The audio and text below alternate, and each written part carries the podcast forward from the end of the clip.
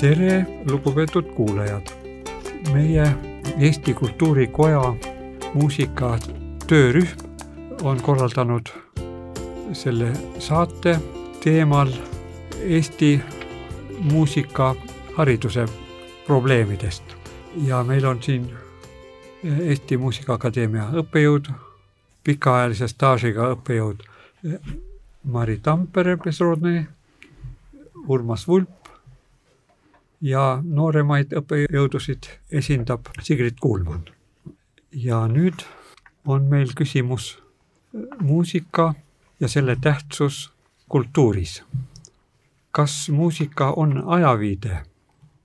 see ei ole ajaviide ja enamasti lapsed, kui nad hakkavad muusikat õppima, ei saa selle tähtsusest enne aru, kui nad on midagi juba omandanud. Ja see ei ole sugugi mingisugune lõbus tegevus, pillimängu õppimine.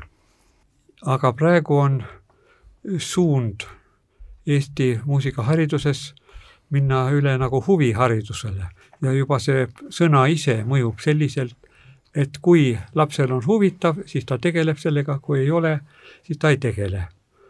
muusika on vähemalt sama tähtis kultuuriala kui näiteks matemaatika. ja ma arvan, et keegi eriti ei tule mõttele, et matemaatikaga tegeleda siis, kui on huvi, huvitav ja kui ei ole huvitav, siis ei tegele sellega. kui me lähtume ainult lapse huvist, siis see mõjub laastavalt muusikaharidusele ja muusikakultuurile. nüüd on küsimus, mis, mis tähtsus on muusikakultuuril mu,, muusikaharidusel kogu kultuurile?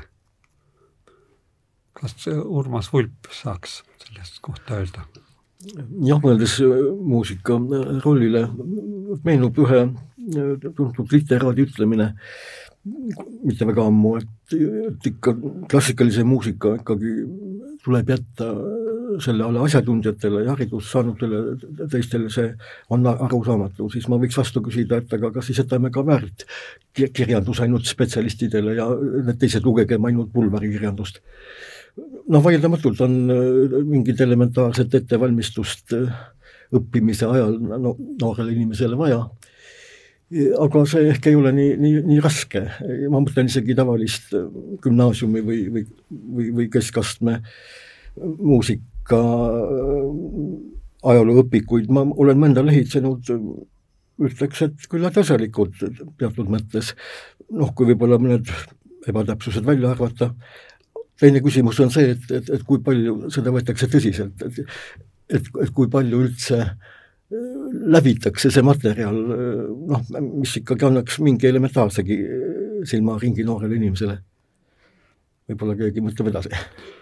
Ja siis Sigrid, sinul on mitmed lapsed õpivad muusikat.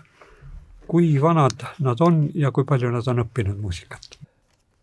ma olen ise ju õpetanud juba vähemalt kolmkümmend aastat ja, ja, ja sellest kakskümmend aastat Eesti Muusikaakadeemias, nii et ega ma ei ole enam väga noor õpetaja.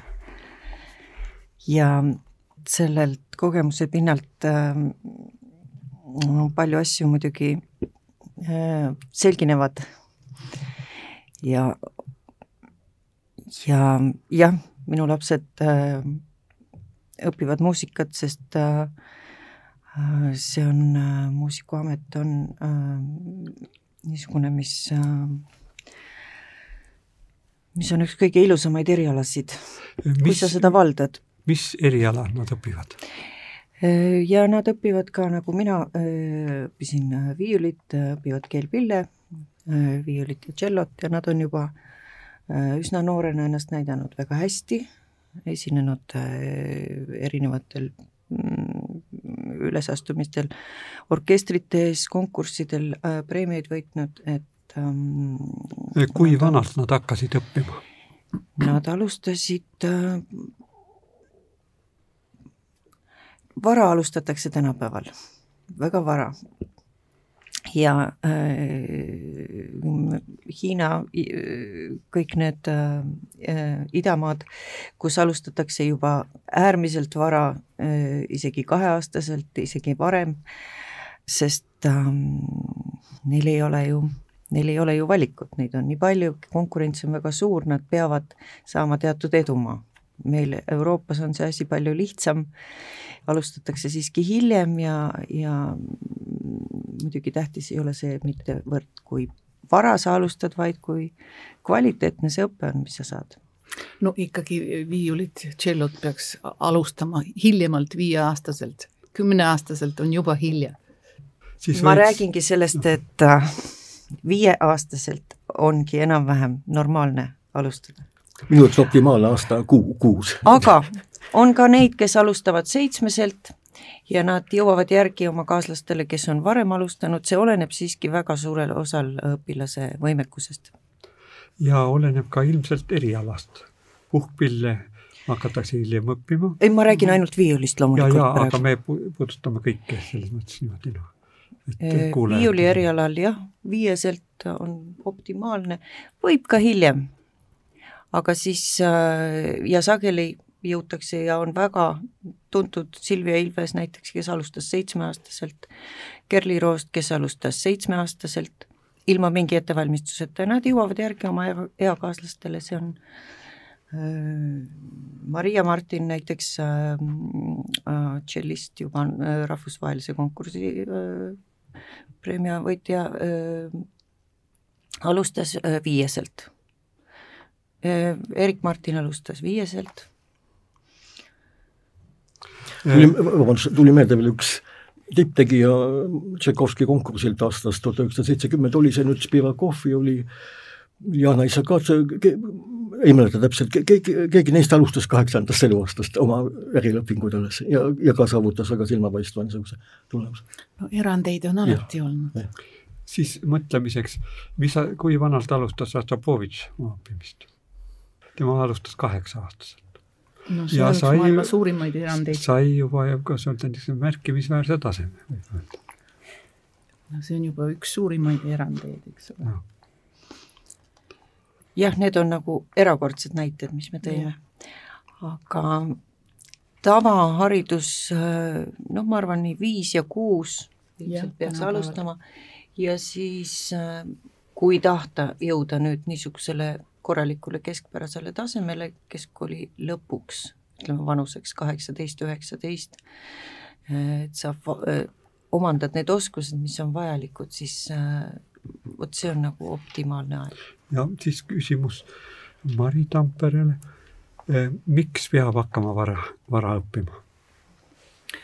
no kunst ja muusika on üleüldse üks suur ja mm, keeruline ja osalt mõõtmatu ala, kui me vaatame ühe riigi mm, tugevuseks ja Äh, säilivuseks on vaja kolm asja, meditsiini, haridus, üldharidus ja kultuur, mis hoiavad ühe riigi olemasolu ja taset, äh, siis kultuur, äh, kunst, ütleme, see on vaimse hariduse osa ja muusika kui kõige kõrgem sellest, kuna sellel ei ole mõõtmisväärtusi, me ei saa teda mõõta ei kilogrammidega, ei sekunditega, ei meetritega. siis muusika tänapäeval on ka nii laiali valgunud arusaam, ühest küljest juba see müra, mis on taustaks meil igal pool rongis, bussis, lennukis, poodides, restoranides, mis lihtsalt risustab kuulmist. Ja teisest küljest siis äh, väga kõrgelt haritud äh, ja kõrgem haridus muusikas. kunagi oli tasakaal selles asjas, meil on siin mitme põlvkonna esindajaid, me mäletame seda, mis oli veel möödunud sajandi keskpaigas ja teame ka seda, mis nüüd täna toimub selle aja jooksul, seitsmekümne aasta jooksul, mida me võime oma silmaga siin jälgida, on toimunud küllaltki suur ühest küljest areng, teisest küljest taandareng. ja selle segaduse keskel on muidugi vaja ette kujutada, mis on siis tõesti meie ülesanne, et, et seda tasakaalu siiski uuesti paika saada. Londoni ajakirjas Times, ajalehes Times oli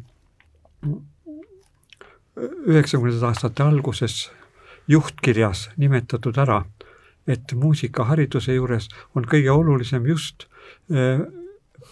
õppida mingisugust pilli mängima ja see annab kogu edaspidiseks eluks niisuguse väga hea aluse. see, et tavalises ajalehes on niisugune juhtkiri, seda nagu ei kujuta ette, et meil oleks sellised teadmised levinud inimeste hulgas, et nad teaksid, et see on oluline. jah, millegipärast kogu meie ajakirjandus on jõudnud selleni, et tõsise või klassikalise muusika kirjutisi eiratakse. Täielikult, sellest ei leia mitte mingisuguseid artikleid enam. vot see on see tasakaalu paigast nihkunud üks näide. Kontserdiarvustused mõnikümmend aastat tagasi oli tavaline. Mm.. Tänapäeval, praegu, täna Eestis äh, väga harva äh, peale kontserti on võimalik lugeda üldse mingit niisugust tõsiseltvõetavat kokkuvõtet, mis kontserdil toimus, mida esitati, kes esitas, et ähm, kogu see fookus on kuidagi ära mm, on, see on muutunud palju. Jaa, ei ole professionaalseid kirjutajaid, arusaajaid, mis toimub kontserdilaual. siis nüüd selline mõte, muusikahariduse mõju aju arengule. ajuteadlane Jaan Aru valgustas seda muusika õppimise erinevaid aspekte Eesti Kultuurikoja poolt korraldatud ümarlauas Zoomis kahekümne kuuendal mail kaks tuhat kakskümmend kaks. ja seal ta näitas, et see muusika õppimine, instrumendi õppimine avaldab väga suurt mõju aju arengule. kusjuures on teada, et viiulimäng, kuna äh, viiulimängus käed toimivad täiesti eri äh, moodi, annab veel eriti, ähm, no see äh, puudutab ka kõiki keelpillimängijaid, äh, arendab veel eriti ajutegevust, kuna siis äh, ajupoolkerad saavad mõlemad võrdse arengu. ja siis on huvitav see ma tahaks veel siia võib-olla lisada, et kogu see emotsionaalne pool, millega viiulimäng, millega keelpillimäng, laiemalt äh, muusika õppimine üldse seotud on pilli õppimine. Ähm, äh, sa oled sunnitud teatud asju väljendama, täpselt samamoodi äh, mingi paralleeli võib tuua ütleme lavakunstiga, näitlemisega. Sa oled sunnitud seda materjali edastama teatud viisil ja, ja kahtlemata need inimesed, need, need noored inimesed, kes on õppinud pilli, neil on teatav äh, emotsionaalsus, teatav, teatav empaatia, mis, ähm, mis on hoopis teisel tasemel arenenud või ütleme, tavainimesel ja siit ma jätkaks veel edasi, et äh, see muusika ka, mida noor inimene pilli mängides õpib, see on ju noh, tegelikult väga kvaliteetne muusika ja ütleks isegi veel niimoodi, et, et kõik see kvaliteetne muusika, mis Õhtumaal on nii suures plaanis viimase tuhande aasta jooksul loodud, võib-olla see on aidanudki hoida inimkonda veel püsimas noh, selle segaduste ajani, kus me oleme omadega mingis mõttes praegu välja jõudnud. Ja siis on niisugune eh, moment, Londonis on üks orkester, sümfooniaorkester, maailma parimaid orkestreid, selle nimi on Filharmoonia ja sellel orkestril on ka oma sõprade klubi. sinna kuuluvad, kuulub väga palju inimesi, aga põhiline osa nendest on arstid. Ja siis on üks huvitav moment, mida küsivad äh, arstid üksteiselt, kui nad rahvusvahelistel seminaridel kohtuvad ja tutvuvad üksteisega. esimene asi, mis nad küsivad, on see, mis pilli te mängite ja äh, Inglismaal üldse on väga levinud äh, need harrastusorkestrid, kus mängivad suures osas arstid ja juristid. ja need on tõesti väga head orkestrid, äh, sest et need inimesed ka on lapsest peale õppinud pillimängu, hiljem siis vahetanud eriala millegi muu vastu. Veel juba mõnda aega tagasi lahkunud kolleeg meie hulgast nende lipust tuletas meelde, see oli Tsaari-Venemaa ajal veel vist siis kahekümnenda sajandi algul, kus korraldati mingi üle Venemaaline kvartettide amatööride konkurss, keegi ei tohtinud olla professionaal ja kavas pidid olema kõik Beethoveni kvartetid. no see näitab erudeeritust või taset. oi jaa. Nende lipus oli üldse üks äh, erakordne inimene, kes väga äh, austas ja äh, hindas muusikaharidust ja tegi selleks kogu oma elutöö, võiks öelda. siis muusikaharidusel on veel niisugune vaimne aspekt, et muusikud, kui nad õpivad mingit instrumenti, siis on neil ühest küljest äärmiselt tohutult keerulised füüsilised liigutused ja samaaegselt on ka väga suur hulk vaimseid niisugusi probleeme ja see, need, suur osa nendest väljuvad kaasaegse teaduse piiridest. seega õpib inimene nägema nii materiaalset kui ka vaimset maailma. Näiteks, mis läheb seal materiaalsest maailmast välja, näiteks niisugune asi, et poogen, viiulipoogen või tšellopoogen, mis on eh, kvalit-, hea poogen ja halb poogen et äh, seal ei tohiks ju praktiliselt mitte mingisugust vahet olla, ei saa olla vahet, sest lihtsalt jõhvid puutuvad sinna vastu, keele vastu ja muudkui tõmbad niimoodi. aga tooni tekitamises on niivõrd kolossaalne vahe, mis ei ole üldse mitte mingisuguste seaduste, äh, nende teaduslike seletustele ei allu. no muusika üldse on öö, äh, niisugune, ütleks nagu suurelt osalt vaimne ala, sellepärast et see on nähtamatu, me ei saa teda katsuda, ei saa näha, kus ta on, milline ta on, see kõik kuulub niisuguse vaimse maailma alale. selle tõttu on seal palju asju, mis on seletamatud ja ainult tunnetuslikult omandatavad. ja nendega puutuvad muusikat, muusikud igapäevaselt kogu aeg kokku siis eh, mõtlemine ise, siin räägitakse palju sellest tehisintellektist. no see on nüüd omaette küsimus, sellest praegu seda ei puuduta. aga näiteks niisugune lihtne asi, sõnade tähendus. noh, sõnaraamatud ja kõik on olemas. aga praeguse seisuga on absoluutselt võimatu matemaatiliselt panna kirja sõna tähendust ma ise puutusin sellega kokku, sest ma ise õppides Tartu Ülikoolis filoloogiat, tegelesin ka niisuguse masintõlke probleemidega ja mõtlesin, et noh, see on väga lihtne.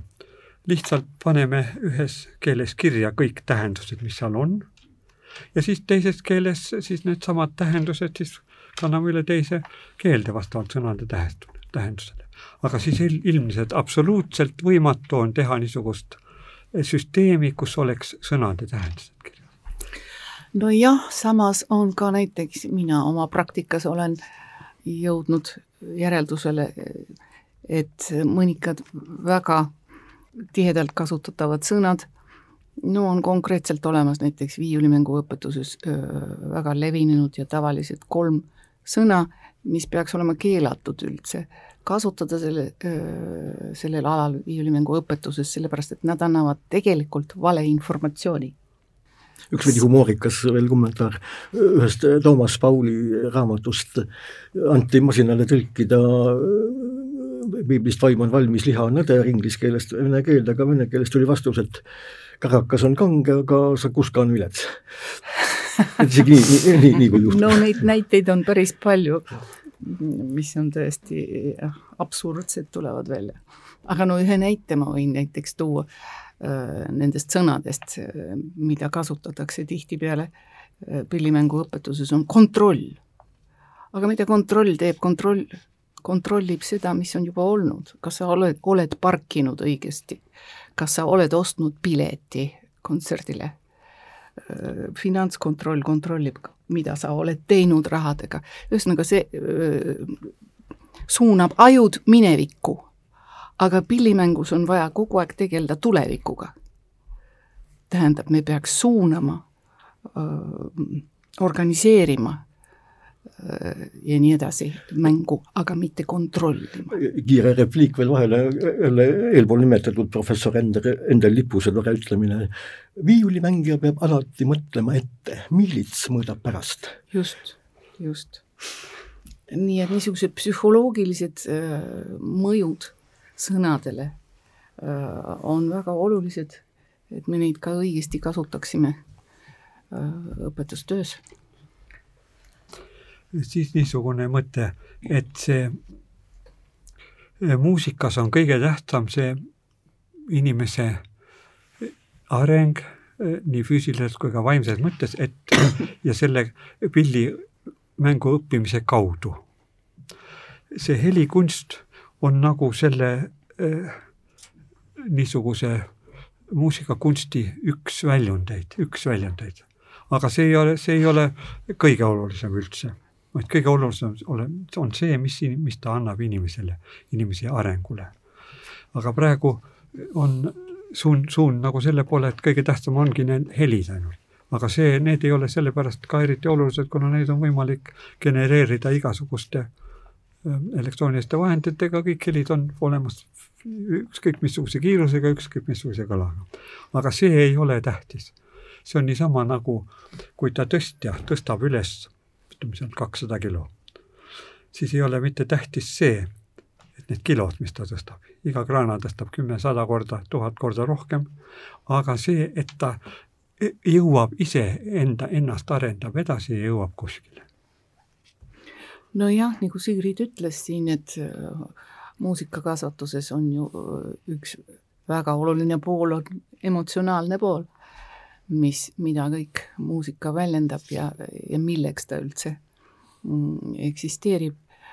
no oli aeg, kui oli äh,, toimusid soolokontserdid, see žanr tänaseks on täiesti ära lõpetatud äh,. praegu kontserdid on asendunud äh, konkurssidega, mis on spordiala rohkem ja see on just selline, nagu sa, Peeter, ütlesid, äh, et äh, õige kõrgusega, õige tugevusega, õige kiirusega ja, äh, ja muud eriti mõõta ju ei saa, aga konkurss on see koht, kus ainult mõõdetakse. nii et äh, aga see aeg, kui oli äh,, kui kontserditel publik nuttis või oli nii vaikne pärast mm, kellegi või, mingit esitust. või loopis tomatitega. no või... see on nüüd teine äärmus, aga et on publik vaikne sul kolm minutit pärast lõpetatud teost, vot sellist ei ole viimase kahe-kolmekümne aasta jooksul ma küll kuskil kuulnud, aga selliseid kordi oli kunagi no publik oli muidugi palju vahetum, konkursid on, ma ütleks võib-olla sekundeeriks, konkursid on hasartmäng minu jaoks.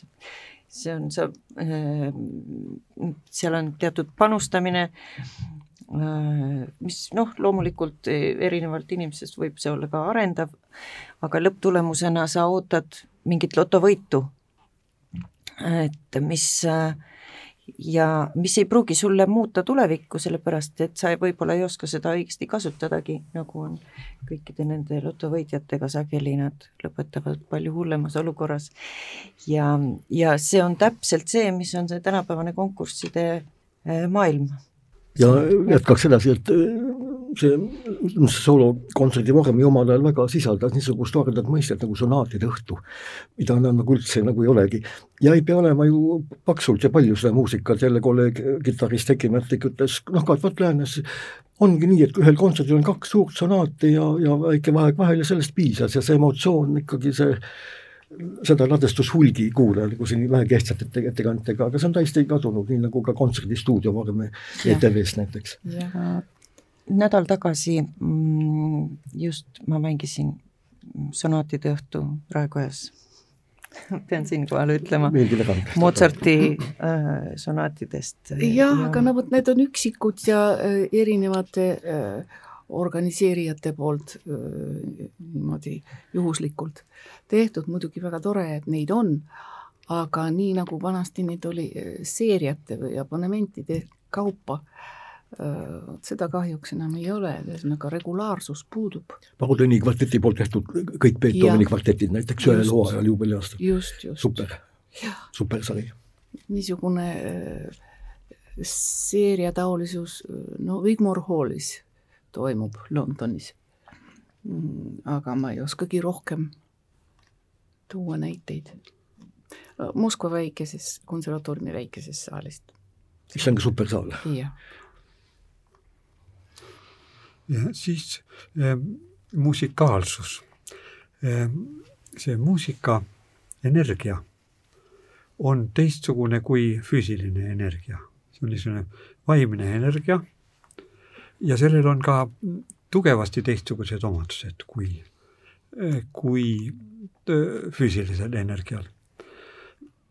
Mu-, musikaalne inimene on see, kes tunnetab seda energiat, ta saab seda juhtida ja head heliloojad, kui me vaatame neid teoseid, kõik väga täpselt arvestavad selle energia omadustega, kuidas, kuidas toimub tõus, kuidas on võimalik, füüsiliselt sa võid kohe maksimumi panna, aga seal sa ei saa, see kasvab. ja kahaneb, ta ei kahane mitte kohe, vaid kahaneb vähehaaval. ja see, kui seda tunnetades, vot siis see, see on mõju inimesele. nojah, see ühineb teose ehitusega ja nagu parimad muusikateoste näited on ka konstruktsiooni ja ja kõige muuga, mis seal on düna-, dünaamiline ja ajaline ja igasugune ehitus kokku, mis moodustab vormi ja see ongi see vaimne energia, mis seal sees on. ja ka mõttetarkus pole üldse välistatud helilooja puhul, kes mingit teost loob ja kokku paneb. loomulikult siis tahaks nimetada ühe mõtte, mis mul praegu meelde tuli. üks üheksateistkümnenda sajandi teise poole kirjanik eh, on öelnud niisuguse asja, ta oli kirjanik, ta ei olnud mitte muusik. ütles, et muusikas on tähtsad kolm asja. esiteks rütm, teiseks rütm ja kolmandaks rütm kas ma võin siia kohe mm, jätkata seda mõtet, et seda rütmi on tänapäeval nüüd väga palju ja põhiliselt meie ümber ongi ainult rütm.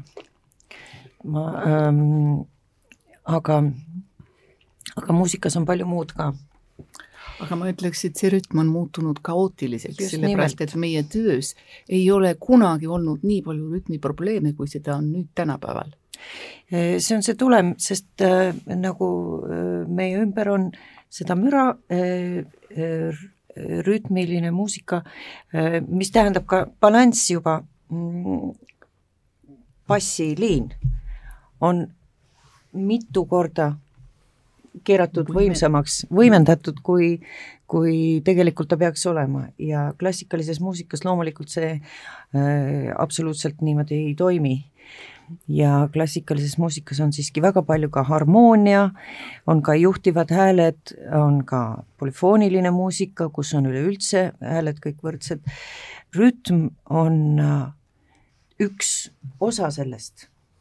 Ja mina ütleks veel juurde veel nii, et, et, et pigem võib-olla ma isegi nimetaks seda meetrumiks või pulsiks, mis peksab sulle kogu aeg pähe popmuusikas nii-öelda see tümakas aga noh, rütm on tegelikult ju väga paindlik asi, mis tegelikult selle pulsi ühiku sees veel omakorda toimib ja ja vot selleks on oma niisugune agoogika mis nii-öelda klassikalise muuseas alati jätab väga suure paindlikkuse hingamisvõimaluse. aga mis on üldse rütm või mis on meetrum, mis on pulss, tähendab, kui päev saab ööks, päike loojub, see on ka rütm, eks Mm -hmm. kell tiksub, see on ka rütm, süda lööb, see ka on rütm, eks, aga meie süda, me hingame, me ei hinga kogu aeg ühes samas tempos, ega me hi-, meie süda ei löö ka ühes samas tempos no,. pulss ja. ongi see, mis muutub, eks ole, nüüd tempo, rütm, pulss, meetrum, need on kõik ise asjad.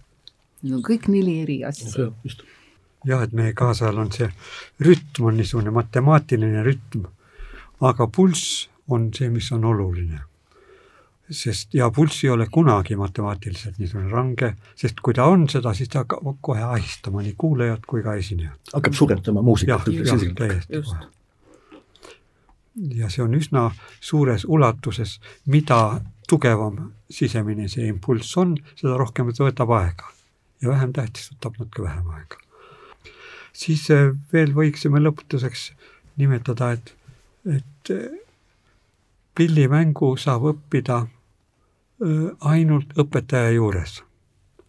sest see on niivõrd keeruline asi, raamatu järgi ega mitte kuidagi muud moodi ei saa. ja sellega seoses on see suunitlus sel huviharidusel, et vähendada erialatundide arvu, see otsekohe takistab arengut üldse, sest peab olema isiklik läbikäimine sellega. teatud määral saab seda teha ka interneti teel, aga ainult teatud piirini, sest see on energeetiline mõju, õpetaja mõju õpilasele ei toimi läbi interneti. ei toimi loomulikult ja üldse näiteks algajatele on väga oluline tegeleda selle väikese lapsega iga päev ja iga päev professionaalsel juhendusel. see on võimatu, et viieaastane laps saaks ise hakkama oma harjutamisega. selle tõttu see, et näiteks huvikoolides, mis meil praegu eksisteerivad, on mingi pool tundi eriala ette nähtud nädalas, no kujutage ette, et spordikoolis, kus laps läheb ükskõik, kas või jalgpalli mängima, ta saab treening, treeningut pool tundi nädalas see on, eks ole. Äh, lisaks, et äh, spordis see tulemus tuleb isegi kergemini. sest äh, sportlased, kes treenivad olümpiaks, nad ka ei treeni tegelikult iga päev.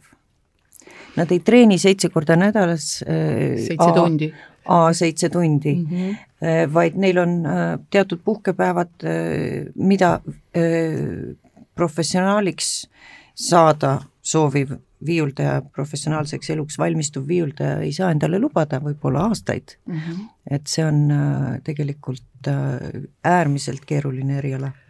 jaa, aga see professionaalne juhendamine loomulikult, see on, ilma selleta tõesti ei saa, kuigi raamatuid on kirjutatud ja tubade kaupa võib siin neid tuhandete kaupa mm -hmm. tuua äh, näiteks, aga tõesti, nende najal ei ole ükski suur viiuldaja õppinud viiulit mängima ei ole saanud kunstnikuks. nii et ikkagi see vajab kontakti kõrgelt haritud professionaalse individuaalne õpe on seal see nii-öelda võtmesõna, sest ja. et ka on küsitud ju, aga miks te ei saa rühmatundidena seda Oi, edasi anda. kahjuks ei ole võimalik, sest see pillimäng, antud juhul siis keelpillimäng, millest me räägime, see on niivõrd individuaalne, see on niivõrd äh, palju äh, detaile hõlmav, et sealt äh, see on kindlasti individuaalne õpe, peab jääma.